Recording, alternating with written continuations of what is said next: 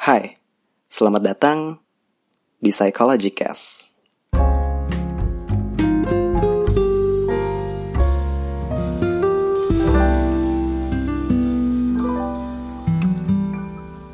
Episode kali ini dibuat atas kejenuhanku tentang beberapa statement yang agaknya sudah cukup menyebalkan untuk kedengar. Dan beberapa statement ini biasanya hadir memenuhi setiap circle kehidupanku gitu. Mulai dari scrolling Facebook, kata ini muncul. Scroll Instagram story, entar ada aja gitu satu dua orang yang buat kata-kata yang sama.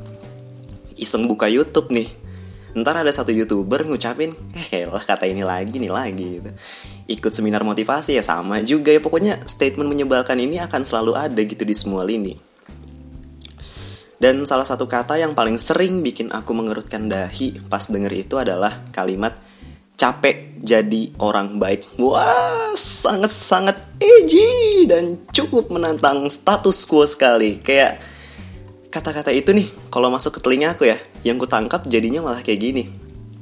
Aku nyesal baik sama orang tertentu. Soalnya kebaikanku nggak dibalas timpal sih.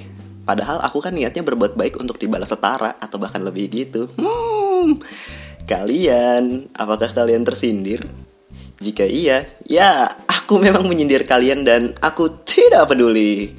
Capek-capek alasan aja lu bujang. Emang dasarnya tuh kalian berbuat baik karena berharap dibaikin balik. Jadinya tuh pas semuanya nggak sesuai dengan ekspektasi kalian kaliannya kecewa berdua. Wah kenapa berdua? Kecewa sendiri gitu. Ya maklum sih wajar. Aku juga nggak mau munafik. Aku nggak mau hipokrit dengan pengen bilang kalau aku misalkan berbuat baik nih. Tapi pasti ada gitu di dalam hati kecilku. Aku pengen seenggak-enggaknya orang yang abis ku baikin ini ya bisa ngebalas perbuatanku. At least nih at least bisa bantu aku pas aku lagi kepepet gitu. Tapi ya ya udah kalaupun itu yang terjadi aku nggak akan berhenti untuk berbuat baik sama orang lain. Nggak akan ngeluh-ngeluh di sosmed. Nggak akan cari perhatian dengan bilang capek jadi orang baik kagak. Nih atau nih di lain kasus nih ada yang suka kata-katain temennya sendiri. Ngatain temennya sendiri jahat lah apalah. Padahal katanya nih katanya tanda kutip sering dibantuin kalau lagi kesusahan gitu. Menurutku ya yang salah itu sebenarnya bukan teman kalian atau orang yang pernah kalian bantu. Tapi persepsi kalian soal berbuat baik itu yang salah. Oke ini misalkan aja misal doang nih. Di dunia ini berlaku sebuah rumus berbuat baik sama dengan dibalas kebaikan juga kita coba sepakati kalau rumus itu benar. Karena aku pribadi pun percaya gitu, kayak perbuatan baik kita pasti bakalan dibalas dua kali lipat sama yang di atas. Tapi yang jadi salah di sini adalah ketika kalian berpikir kalau teman atau orang yang kalian bantu akan membantu kalian balik dengan kapasitas yang sama dengan yang kalian berikan, itu salah besar cuy. Ini tumben dah aku ngomong serius gini tapi oke okay, tahan dulu jangan emosi. Aku bakal coba untuk jelasin pelan-pelan gitu katakanlah gitu, kamu punya seorang teman. Inisialnya MF. Muhammad Fatah. Wah, kenapa jadi nama lu Cinta Luna? Eh, BTW lu Cinta Luna narkobo ya? Ah, polisi, polisi. Tahu ah, bodo amat. Kenapa jadi bahas dia? Oke, lanjut. Katakanlah namanya Rangga. Oke, si Rangga ini sering banget kamu bantu di berbagai macam kondisi gitu entah pas dia lagi kesusahan, lagi nggak ada uang, bantuin masalah kerjaan, bayarin tunggakan BPJS-nya, yang kalau nggak dibayar bikin si Rangga ini nggak bisa lanjutin kontrak kerja di perusahaannya gitu. Batuk, Pak Jokowi. Hah, oke lupakan. Terus suatu hari kamu ketimpa masalah nih. Begitu kamu minta tolong sama si Rangga, ternyata si Rangga ini nggak bisa berperan aktif sama kayak kamu pas lagi bantuin dia gitu. Nggak bisa sigap kayak kamu kayak kamu biasa pas lagi nolongin dia gitulah intinya. Dan di titik ini akhirnya kamu kecewa. Nganggap si Rangga nggak peduli sama kamu. Terus akhirnya muncul tuh pikiran-pikiran kayak si Rangga nih kayaknya selama ini cuma manfaatin gua gitu Terus akhirnya kamu lari deh ke sosial media layaknya kaulah muda. Pada umumnya bikin Instagram story, tweet, status Facebook, story WA, apalah itu. Pokoknya nyindir si Rangga dengan kata-kata ultimatum terbaik se-Indonesia Raya. pas temen susah gue ada. Tapi pas gue yang susah teman-teman pada hilang. Hahaha kadang hubungan pertemanan selucu itu ya. Lucu-lucu pala sekolah lu tuh lucu. Terus dari sana gitu akhirnya lahir sebuah kalimat yang sangat-sangat menyebalkan mulai sekarang pengen gak terlalu peduli lagi ya sama orang capek jadi orang baik ah nih ya kalau Devi 504 denger ini ya dia pasti udah ngomong kayak small brain small pp SMH Coba gini deh, gini deh. Instead of cursing your friend, kenapa kita nggak coba buat ngubah mindset kita gitu? Kayak kayaknya dia memang bukan orang yang tepat buat bantu aku gitu. Karena aku ngerasanya nih, tidak semua orang punya kapasitas yang sama dalam memecahkan masalah orang lain atau membantu seseorang. Kalau dalam contoh kasus yang tadi udah kita bayangin sama-sama, mungkin uh, kamu adalah orang yang kebetulan tepat gitu untuk ngebantu permasalahan si Rangga tapi ketika kamu yang dapat masalah, mungkin si Rangga ini bukan orang yang tepat aja gitu buat bantuin kamu. Bisa jadi nih, kapasitas dia memang tidak bisa untuk membantu memecah, memecahkan masalah kamu gitu. Mungkin aja yang bisa bantu kamu itu adalah temen kamu yang lain, bukan si Rangga. Karena nih, karena kadang nih, aku tuh juga pernah ada di satu titik di mana rasanya kayak susah aja gitu buat ngebantu temanku sendiri di saat sebenarnya aku pengen nolong dia gitu tapi karena ada satu dan lain hal akhirnya dengan berat hati aku bilang gak bisa bantuin biarpun udah pakai kata halus mungkin nih kayak pakai minta maaf apa segala macem. Tapi perasaan bersalah tuh tetap ada gitu karena kita sendiri tahu kita tuh nggak bisa bantu dia gitu. Karena masalahnya emang sulit. Daripada kita bantuin dia terus masalahnya makin besar makin rumit kan makin gak selesai jadinya ya ya udah nggak bisa dibantu mohon maaf gitu karena aku yakin gitu hampir semua orang yang otaknya waras nih yang waras ya pasti sadar dan tahu diri kalau ada temennya yang udah baik banget sama dia gitu. Tapi pas dia susah kita nggak bantuin balik tuh rasanya malu cuy. Asli kayak ada perasaan bersalah parah gitu kayak perasaan bersalahnya tuh longitudinal jangka panjang lah pokoknya. Dan satu hal yang ku percayai adalah nggak ada yang salah dan tidak akan ada yang pernah salah dengan terus menjadi baik gitu. Kenapa capek? Kagak usah capek. Kalau mau istirahat ya ya udah silahkan kan capek tuh istirahat aja. Tapi kagak usah berhenti jadi orang baik. Ini berdasarkan logika sotoy ya. Aku yakin ada dua hal yang bakal terjadi jika kita berbuat baik dan suatu saat tertimpa masalah. Satu, masalah kita dipermudah sama yang di atas biar sesuai sama kapasitas kita. Yang kedua nih, kita dipertemukan dengan orang baik yang kapasitasnya mampu memecahkan masalah kita. Pokoknya enggak jauh-jauh dari dua itu pasti. Oke, kenapa akhirnya aku bisa ngomong sepede ini? Karena aku punya sedikit cerita perihal berbuat baik ini cuy. Yang rasanya tuh bikin aku melek gitu sama kehidupan ini. Nih aku pengen cerita dikit yang nggak apa-apa ya. Jadi dulu Dulu aku adalah seorang mahasiswa yang mempunyai kerja sampingan sebagai driver ojek online. Dan suatu hari aku mendapatkan sebuah orderan yang di mana ketika aku menjemput ke titik orderan itu yang mengorder adalah seorang bapak-bapak, pakaiannya lusuh, terus celananya tuh robek-robek gitu, celana pendek, terus uh, di kakinya itu dia pakai sendal gitu kan, pakai sendal swallow. Terus di sela-sela kakinya itu kayak ada bekas uh, pasir kering gitu loh, kayak pokoknya overall penampilan bapaknya tuh sangat lusuh sekali. Tapi ya udah, ya udah kayak biasa aja. Akhirnya aku pick up bapaknya, terus kita jalan gitu dan sepanjang jalan ya biasa kan antara orang tua nih, bapak-bapak ngelihat ada driver online muda gitu. Pasti kan kayak diajak ngobrol gitu. Kayak emang naluri bapak-bapak aja gitu udah ngajakin anak muda ngobrol. Jadi sepanjang jalan tuh kami ngobrol-ngobrol biasa bapaknya nanya-nanya.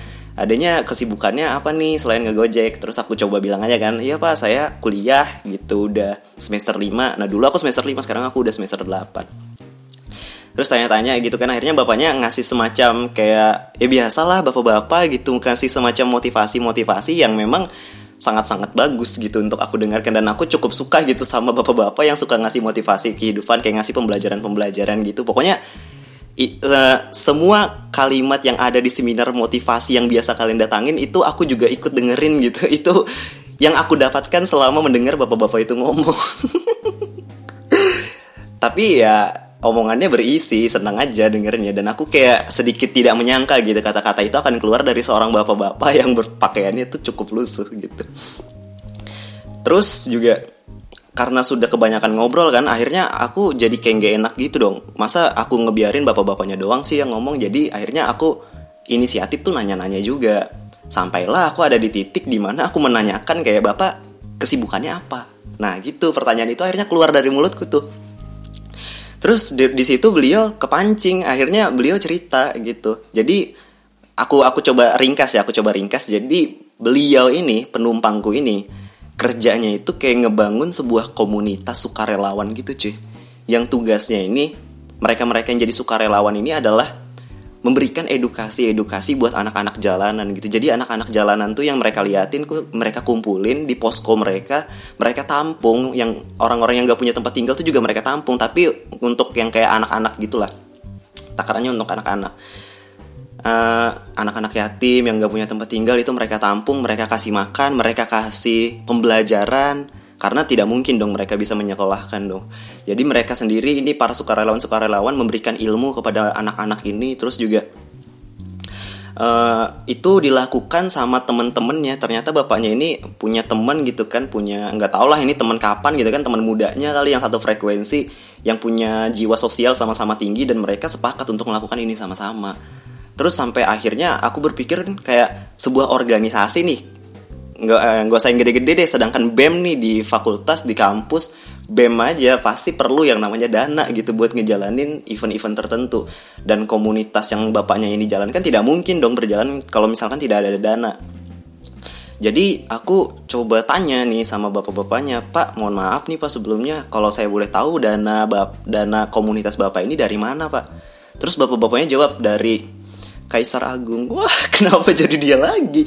Enggak, enggak, dananya dari dana pribadi. Wih, gila nggak tuh? Dana pribadi, cuy. Kadang kata bapaknya, bapaknya juga bilang kadang tuh ada deh rezeki tuh tiba-tiba entah datang dari mana, entah ada aja gitu dari orang baik, orang-orang sekitar yang memberikan kami memberikan kami rezeki, entah itu berupa uang atau berupa makanan. Terus juga ada dari perusahaan-perusahaan tempat kerja temen ini. Jadi temennya kan itu punya kerjaan juga kan di luaran itu. Dan orang perusahaan ini tahu gitu. Akhirnya orang-orang yang ada di perusahaan itu mau bersedia untuk memberikan sumbangan dana atau baju bekas atau logistik ke komunitas yang dibentuk sama bapaknya ini. Dan di situ akhirnya aku belajar gitu. Aku menangkap sesuatu dari bapaknya kalau misalkan kita tuh kagak perlu nunggu kaya dulu cuy Kagak perlu nunggu kaya untuk mulai berbuat baik, untuk mulai mesejahterakan orang lain. Yang penting tuh niatnya ikhlas aja dulu. Kalian, aku tuh kayak sedikit tertampar gitu dengan penampilan bapaknya yang seperti itu. Bapaknya betul bener-bener punya jiwa, punya mentalitas orang-orang yang kaya gitu. Aku menganggap bapak ini sangat-sangatlah kaya dari segi dari segi mental dan dari segi keberanian gitu kayak jiwanya tuh bener-bener altruistik gitu. Di mana dia tidak mementingkan kepentingannya sendiri tapi lebih memilih kesejahteraan orang lain. Di saat nih di saat masih banyak orang-orang di luaran sana yang pakai dasi, pakai jas, rambut klimis, tapi cuman mementingkan dirinya sendiri, cuman sibuk memperkaya dirinya sendiri, nggak peduli sama keadaan sekitar. Dan ini ada nih bapak-bapak nih pakaiannya lusuh, terus juga kerjanya tuh sukarela kagak dibayar sama pemerintah pakai dana pribadi mau sejahterain orang cuy mau buat orang lain bahagia. Itu tuh kayak hah kayak main blowing gitu. Aku sebagai anak muda tuh kayak ngerasa tepak-tepak kayak tertampar sana sini gitu. Dan aku masih berpikir aja kayak kadang tuh suka pengen malas-malesan dulu pengen malas-malesan kuliah turun kuliah ngegojek tuh males gitu. Pas aku denger cerita bapaknya itu kayak asli bener-bener ketampar cuy. Dan eh pokoknya bapak-bapak itu the best lah big respect for you. Bapak-bapak berpakaian lusuh I learn a lot of things from you. Epiko dan ya itu intinya. Intinya gitu jangan capek jangan capek jadi orang baik. Karena ketika kita menjadi baik balasannya tuh ada aja cuy. Tuhan itu pasti kayak udah nyiapin rencananya gitu buat mereka-mereka yang mau untuk berbuat baik terus. Yang gak mentingkan dirinya sendiri yang penting tuh ikhlas. Dah bener dah Ntar tuh yang balas bukan sesama manusia, ntar yang di atas tuh yang balas sang pencipta yang balas. Jadi kalian tenang aja gitu, kagak usah takut. Hah, oke okay, kita akhiri pembahasan tentang capek jadi orang baik ini karena statement itu tuh cukup menyebalkan gitu sekarang kita masuk ke statement kedua statement menyebalkan lainnya aku sematkan kepada kalimat setiap orang spesial wah setiap orang spesial martabak tuh spesial. Bentar nih mohon maaf nih mohon maaf nih. Buat kalian yang sering bilang setiap orang spesial tuh tujuannya apa gitu sebenarnya? Ini aku beneran kagak tahu soalnya sebagai seseorang yang lahir tanpa bakat dan kelebihan wah kenapa jadi kayak Deku Boku no Hero? Eh tapi serius tanpa kespesialan tertentu di suatu bidang kalimat itu aku rasa cukup menyebalkan gitu untuk didengar. Kayak kalimat itu tuh sama aja menyebalkannya kayak money doesn't buy happiness. Ah. Kah, kagak bisa beli kebahagiaan biji mata lu. Orang-orang kayak gini nih yang sering ngomong-ngomong uang gak bisa beli kebahagiaan tuh Kayak gak pernah rasain miskin aja emang. Kayak kagak pernah kan ngerasain makan nasi pakai ciki gitu. Makan nasi pakai ciki. Ah, ini orang-orang kayak gitu kagak pernah aja nih. Kayak sebulan tuh nyetok ciki french fries 2000 satu dus. Enggak, enggak, bukan mie, bukan mie satu dus. Ciki, pak ciki, french fries 2000 Terus tiap hari beli beras kiloan gitu yang yang kagak sampai 5 kilo. Terus itu diirit-irit sampai berhari-hari berasnya. Terus ya orang-orang kayak gitu tuh segala gegayaan mau ngomong uang kagak bisa beli kebahagiaan gitu enak aja lu Saiful. Aku kalau misalkan dikasih uang gitu ya tiba-tiba dapat rezeki nomplok uang kaget gitu wah bahagia ya udah setengah mati. Dan aku nggak akan ma uh, make uang itu untuk ngebahagiain diriku sen sendiri aja tapi aku bakal pakai untuk uh, ngebuat orang lain tuh juga ikut bahagia gitu. Orang-orang di sekitarku juga bahagia. Saudara-saudara saudara-saudaraku adik-adikku orang tuaku tuh pasti bisa gitu. Kita bisa uh, mendekatkan kebahagiaan melalui perantara uang. Enak aja kalian yang bilang uang gak bisa beli kebahagiaan tuh sembarangan. Kalian tuh gak pernah rasain yang namanya ada di titik terendah dalam hidup gitu ah yang di mana tuh kalian kayak bersyukur ada uang 5000 di tangan tuh udah kayak bersyukur banget tuh nggak pernah rasain kayak kayak gitu pasti. Makanya sampai berani bilang uang nggak bisa beli kebahagiaan mata lu meledak. Ah emosi. Nah gini sama halnya kayak uang nggak bisa beli kebahagiaan. Kalimat setiap orang spesial menurutku juga cuman bisa diucapin sama mereka yang udah ada kelebihan aja gitu di suatu bidang tertentu. Terus mereka bisa hidup dari kelebihan tersebut akhirnya nih biar orang lain yang kagak punya bakat bisa tetap semangat buat jalanin buat jalanin hidup keluar gitu kata-kata yang yang fungsinya tuh sebagai ilusi biar bisa nutup nutupin realita kalau sebenarnya kita nih kagak ada bakatnya gitu kagak ada spesial spesialnya kagak Uh, kalian tuh pasti pernah main game dong. Ini aku mau kasih analogi sederhana. Kalian pasti pernah main game dong, yang mengharuskan kalian ngebuat char atau karakter gitu. Nah biasanya kan kalau di game-game itu karakternya bakalan kepecah jadi dua ada yang karakter default yang semuanya tuh standar aja gitu kagak ada kelebihan kelebihannya pokoknya wah car GM kalau aku bilang kan dulu sama kalau teman-temanku di warnet dulu bilang itu car GM gitu. Kagak ada kelebihannya pokoknya. Nah terus di sisi lain ada karakter nih karakter yang memang karakternya tuh rare gitu. Karakter langka mythical yang grafiknya tuh menonjol gitu di suatu bidang. Pokoknya grafiknya tuh wah jor-joran lah bagus banget Nah kayak gitu tuh aku ngerasanya aku nih kayak karakter default aja gitu di suatu game. Dan sebagai karakter yang lahir tanpa kelebihan spesifik akan sangat menyebalkan untuk ngedengerin orang yang berbakat ngomong setiap orang spesial. Di saat mereka emang udah tahu aja gitu mereka punya kelebihan. Terus kan kita kita yang untalented dan non non karakter ini tuh cuman bisa ngangguk-ngangguk kayak anak ayam gitu kayak hmm ya sepertinya semua orang memang spesial padahal kagak juga Oke, izinkan aku ngutip salah satu perkataan youtuber legend pada masanya. Kalau semua orang spesial, siapa yang spesial dong? Nah, bisa jawab tidak kalian? kalian semua tahu kan itu kalimat dari siapa? Ah, we really miss him so fucking much. Hah, Bring back VNGNC please. Ada lagi perkataan salah seorang aktor kebanggaan Indonesia yang pasti semua orang nih udah tahu nih. Iqbal Ramadan. Yoi, kalau kalian belum tahu Dilan deh, Dilan, Dilan. Nah, ada satu penggalan kalimatnya tuh yang aku suka banget gitu. Dan aku ingat mulu cuy sampai sekarang. Ada di hitam putih nih kalau kalian mau mau lihat juga kan mau denger, kalian ketik aja di YouTube Iqbal Ramadan hitam putih. Ntar keluar tuh videonya paling atas, Question of Life judulnya. Tapi jangan klik video di bawahnya karena di situ ada video Atta Halilintar. Jadi tidak usah. karena dia tidak penting. Nah, kalimatnya tuh gini nih. Aku percaya kalau di dunia ini ada dua tipe orang. Orang yang terlahir untuk pintar, kakakku, dan orang yang berusaha lahir untuk menjadi pintar, which is me. Widih. Udah kayak Iqbal belum tadi aku ngomongnya. Ah, fuck. Bahkan nih Iqbal pun masa kecilnya suka dibanding-bandingin gitu karena dia kalah pintar sama kakaknya.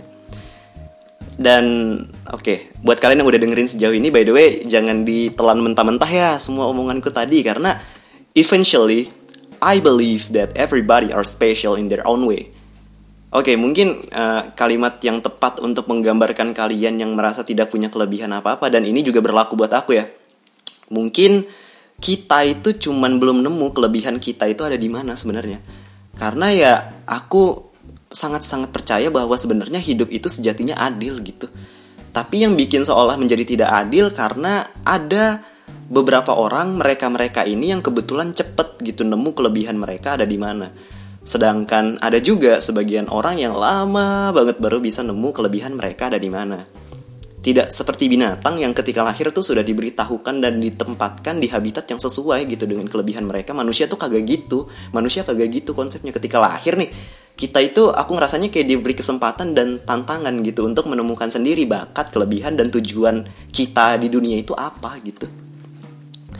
Maka dari itu, kenali diri sendiri adalah kunci dan sebagai konklusi dari semua ini, aku mau ngucapin sebuah kalimat yang agak cheesy sebagai penutup episode podcast kali ini. Mungkin tidak akan terlalu berarti, tapi semoga bisa menjadi tamparan agar kita bisa lebih berusaha untuk mengeksplor diri. Siapa yang tahan ketika air susu dibalas dengan air tuba? Menyebalkan pastinya. Hanya perasaan lelah dan kecewa yang tersisa. Bahkan Sesekali terbesit bahwa semua kebaikan yang kita lakukan jadi terasa sia-sia. Tidak apa-apa, cobalah tenang dan berhenti dari tempat kamu berpijak sekarang. Mungkin ada makna lain yang sebenarnya Tuhan ingin ajarkan.